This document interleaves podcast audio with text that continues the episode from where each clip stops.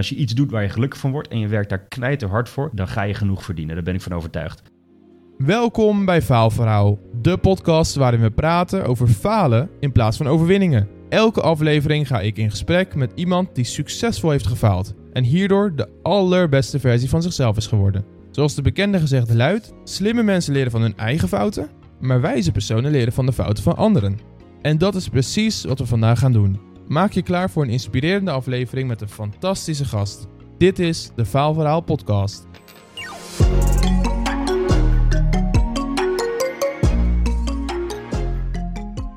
Tigo, welkom. Kun je in een paar zinnen uitleggen wat je momenteel zakelijk gezien doet? Ik heb op dit moment een, eh, een marketingbureau, een, eh, een growth marketingbureau.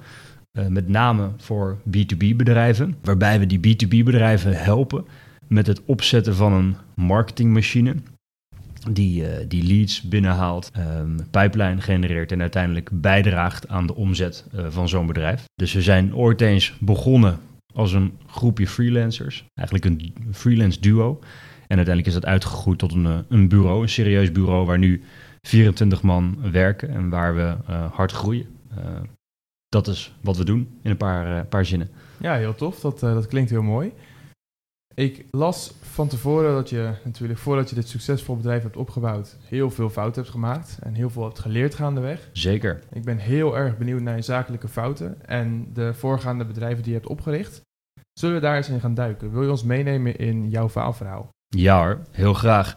Um, sowieso ook heel verfrissend om het daarin eens over te hebben. We hadden het hier voor de podcast al even over het feit dat er alleen maar succesverhalen gedeeld worden. En dat het uh, wel goed is om, uh, om mensen te belichten wat er juist fout kan gaan. En dat je juist fouten moet maken om ergens te komen waar het, uh, waar het wel lukt. Dus ik vind het heel leuk om, om het hierover te hebben met je. Dus bedankt nogmaals voor, voor de uitnodiging en, en de, de leuke um, hoek die we gebruiken om, om het onderwerp te benaderen. Nou, misschien is het leuk om, om te beginnen bij het, bij het begin. Hoe ben ik in het ondernemerschap gerold? En dan vanuit daar wat fouten te belichten op de weg uh, naar waar ik vandaag sta. Ik ben begonnen met, uh, met ondernemen in het tweede jaar van mijn bachelor. Dus ik heb hier aan de Erasmus Universiteit uh, gestudeerd. Tijdens mijn tweede jaar bedachten mijn broer en ik een business te starten. Dat was een business die heette Rotterdam in een box. Vanuit dat bedrijfje verzamelden we allerlei leuke producten uit de stad. dus eten- en drinkproducten voornamelijk. Die stopten we in een box en die verkochten we. Zo simpel was het. Heel recht toe, recht aan businessmodel. En dat deden we vooral, uh, verkochten we vooral als kerstpakket aan bedrijven. Dus uh, nou, dat gestart in, uh, in Rotterdam. Uiteindelijk uitgebreid naar een aantal andere steden. Dus Amsterdam erbij gepakt. Amsterdam in een box, Breda, Breda in een box en Alkmaar in een box uiteindelijk gestart.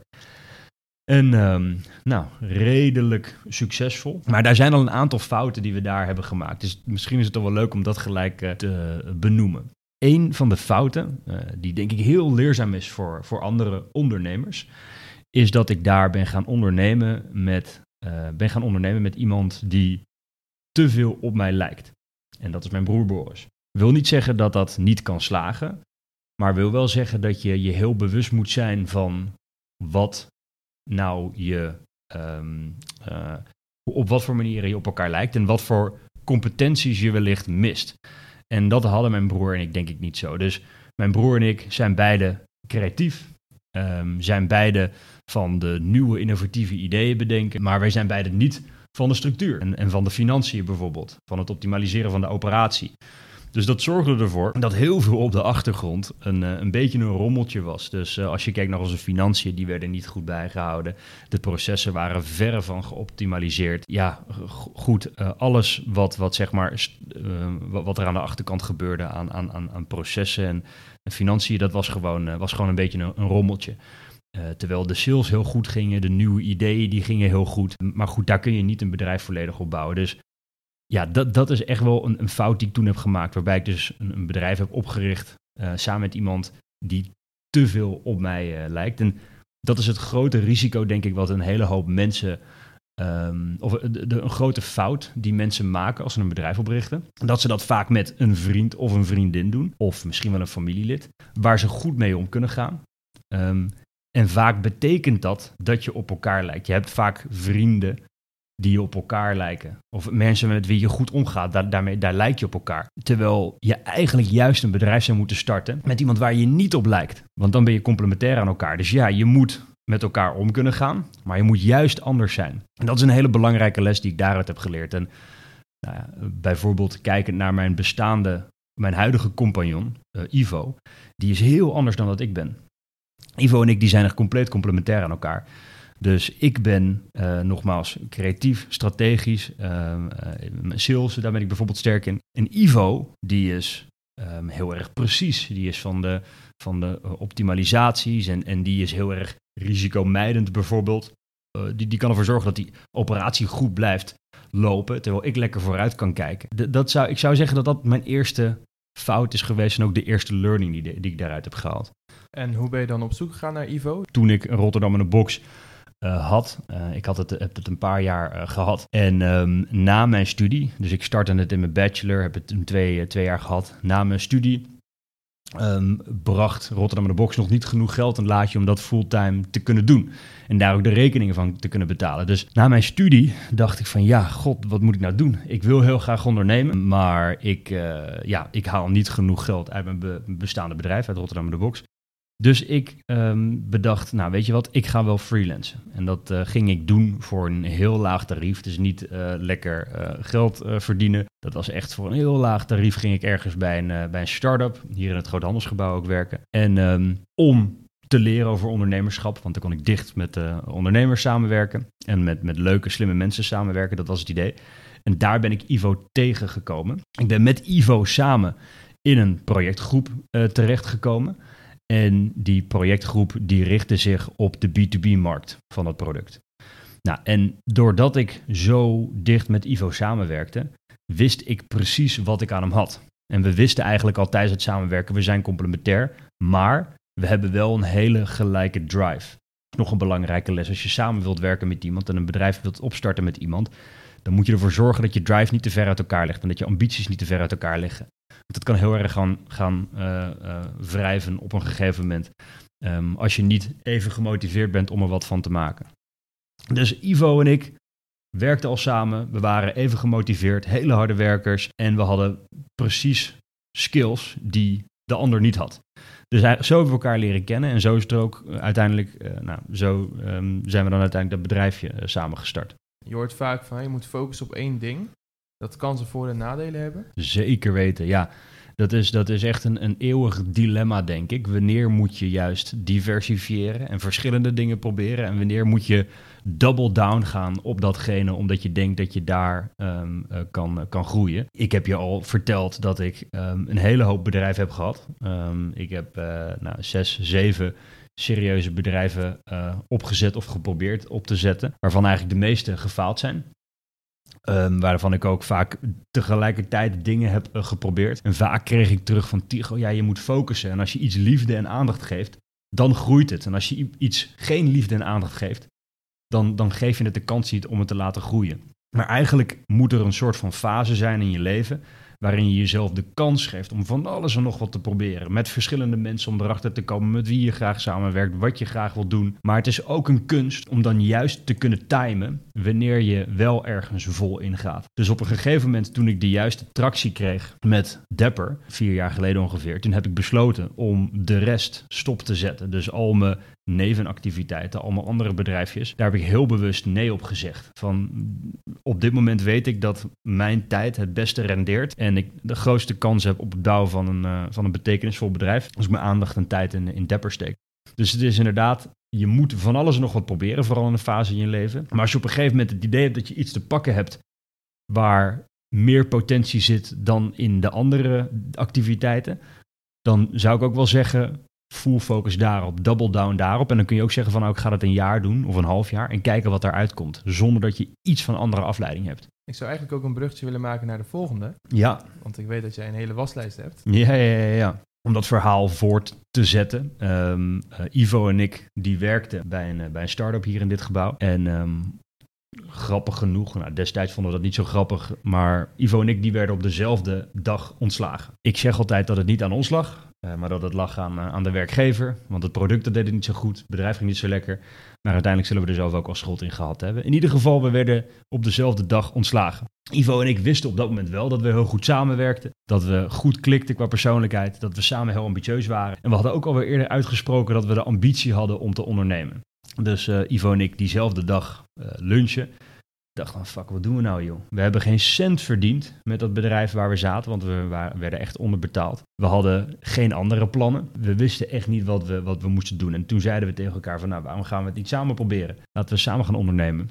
Nou, toen hadden we een aantal opties. Ja, wat we al een beetje aan het onderzoeken waren, was, uh, was het opzetten van, van webshops. Nou, dropshipping was op dat moment al groot. Um, was misschien op dat moment wel op zijn piek, is daarna iets minder populair geworden. Maar eigenlijk gewoon het, uh, het opzetten van webshops waarbij je goedkope Chinese troep doorverkoopt. Dat is eventjes heel gechargeerd in veel gevallen wat het inhoudt. Echt niet altijd, maar uh, in veel gevallen wel. En daar zo snel mogelijk zoveel mogelijk geld mee verdienen. Ivo en ik die dachten, nou weet je wat, gaan we dat doen. En toen zijn we twee webshops uh, gestart. Uh, we zijn een, een, webshop gestart in, in sushi maak apparaatjes. Nou, dat hebben we natuurlijk niet zelf uitgevonden. Dat hebben we ergens gevonden op een Chinese website. En dat zijn we gaan doorverkopen. En daarnaast hebben we een webshop opgericht in ballonnen.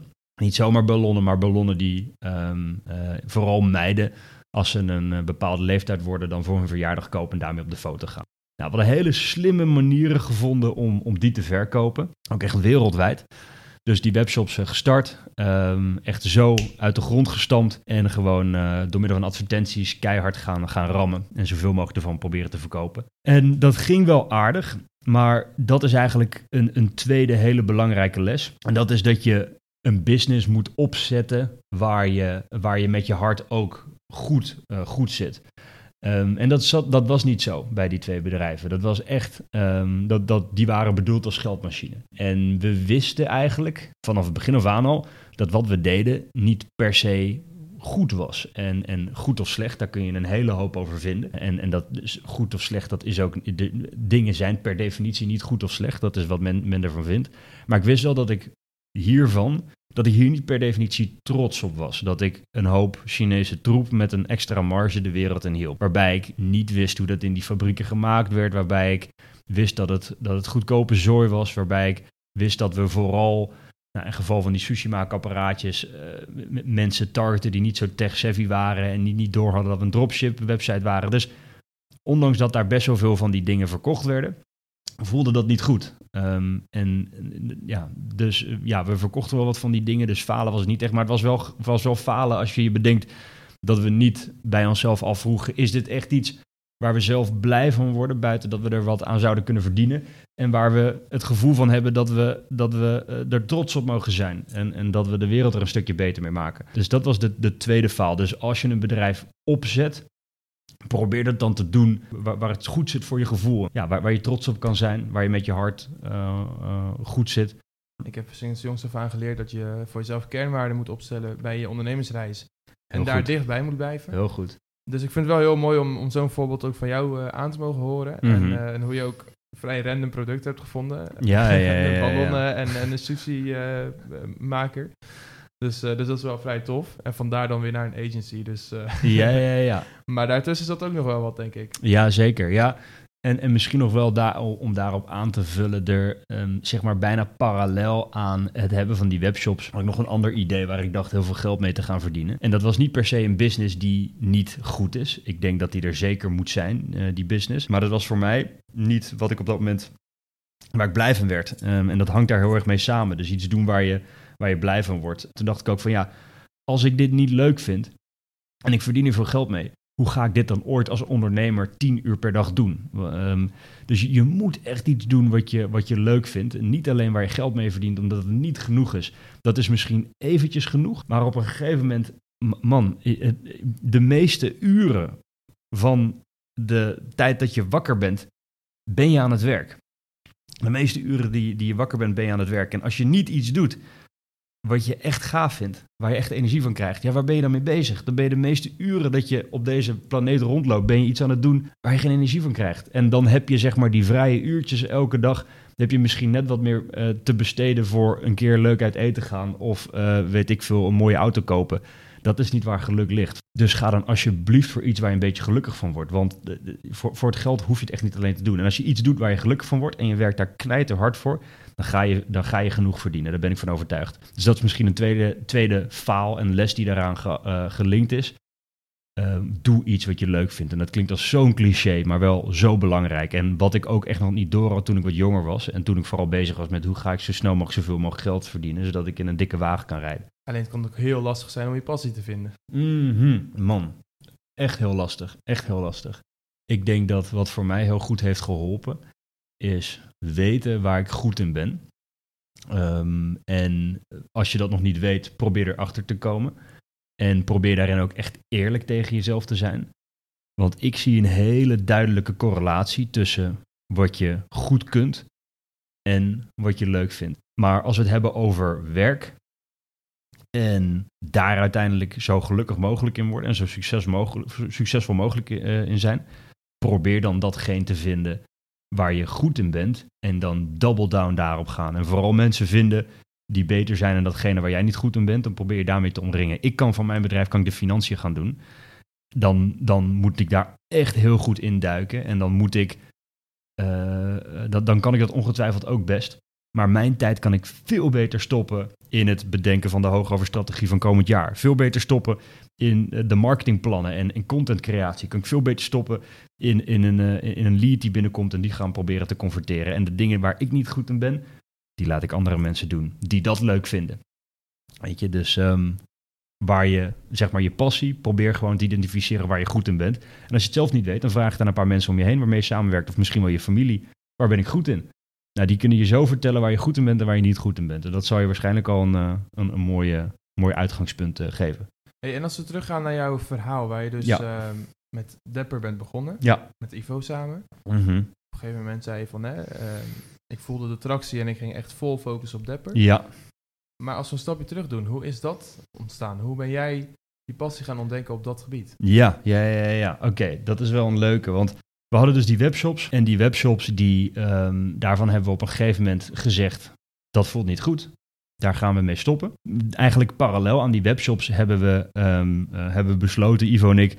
dat we andere bedrijven gingen helpen met hun eh, eh, digitale marketing. Dus op dat moment had ik al meerdere bedrijfjes gestart. ehm, hadden we meerdere webshops gehad. Zijn we, waren we freelancer geweest. En waren we er eigenlijk achter dat wat we heel erg gaaf vonden is om erachter te komen hoe je een bedrijf kon laten groeien door middel van het inzetten van digitale middelen. Nou ja, heel tastbaar, hebben heel praktisch hebben we het dan over eh, het bedenken van een marketingstrategie, het optimaliseren van websites voor conversie, het, het, het runnen van campagnes op, eh, op Meta, LinkedIn, Google, dat soort zaken. Dus dat hadden we al heel vaak gedaan, waren we ook vaak succesvol in geweest. En nu dachten we, waarom gaan we dat niet samen doen voor bedrijven?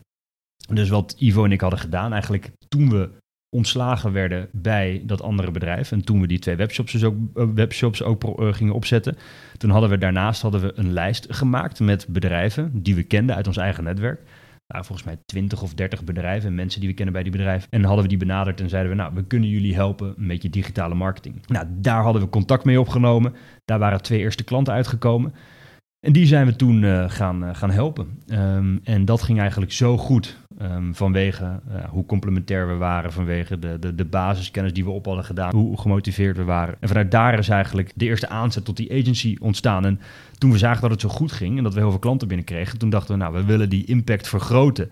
We willen dit veel groter maken dan ons twee alleen. En toen zijn we onze eerste mensen gaan aannemen. Langzaam eh, gaan groeien. En nu, eh 4,5 jaar later, zijn we dus met, met 24 man. Zodra je medewerkers gaat aannemen, Ja. je bent denk ik nog vrij onervaren met het managen van medewerkers. Ja, Eh, Of zeker. er nou is met twee man of 24 man. Ja. Wat zijn de lessen die je daarin hebt eh, verkregen? sowieso het aannemen van personeel. Dat is iets waar we, ehm, eh, waar we misschien, wat we misschien wat te spannend maken. Dus mensen die, die vertellen andere mensen, ehm, of dat nou werknemers zeggen zijn of ondernemers, dat het heel spannend is om personeel te hebben. En eigenlijk valt dat wel mee. Je kunt jezelf heel goed verzekeren. Dat hoor je nog wel eens horrorverhalen van je neemt iemand aan en dan, dan wordt hij ziek en dan heb je daar een hele tijd een, grote onkostenpost of een grote kostenposten aan. Dat soort dingen kun je tegen verzekeren. En de stappen die zijn ook niet zo heel erg groot of ingewikkeld. Dus de eerste les is eigenlijk ehm, dat je als je een bedrijf wilt laten groeien, probeer die stapje niet te veel te laten afschrikken. Um, het is niet zo ingewikkeld als mensen het doen laten lijken. En het is niet zo risicovol als mensen het doen laten lijken. Als je er baat bij hebt, gaan zo snel mogelijk um, uh, iemand gewoon een BV oprichten en iemand op je loonlijst zetten. Wat ik ook heb geleerd is dat transparantie heel erg belangrijk is. Dus waar gaan we naartoe met het bedrijf? Waarom nemen we de stappen die we nemen? Um, en als je met één of twee of drie man op kantoor zit, dan is dat makkelijker, want dan hoort iedereen alles wat er gebeurt en dan, uh, dan krijgt iedereen alles mee. Maar als je een team van uh, 15, 20, 25 man hebt, dan wordt dat lastiger. En dan moet je communicatie, stromen, ritmes opzetten om ervoor te zorgen dat iedereen ten alle tijde weet waarom we doen wat we doen, uh, waar we naartoe gaan, waarom we daar naartoe gaan. In plaats van iedereen gewoon alleen maar zijn taakje uit te laten voeren. Als je transparant bent uh, over je doelen, um, over je manier van werken, dan heb ik ondervonden dat je mensen heel erg makkelijk meekrijgt en dat mensen gemotiveerd zijn en het gaaf vinden om, om mee te bouwen ergens aan en uh, dat je veel meer output van mensen kan, kan verwachten. Ik denk dat dat een hele belangrijke les is. Ik denk dat het een uh, hele mooie les is om deze podcast mee af te ronden. Dankjewel Super. voor je deelname.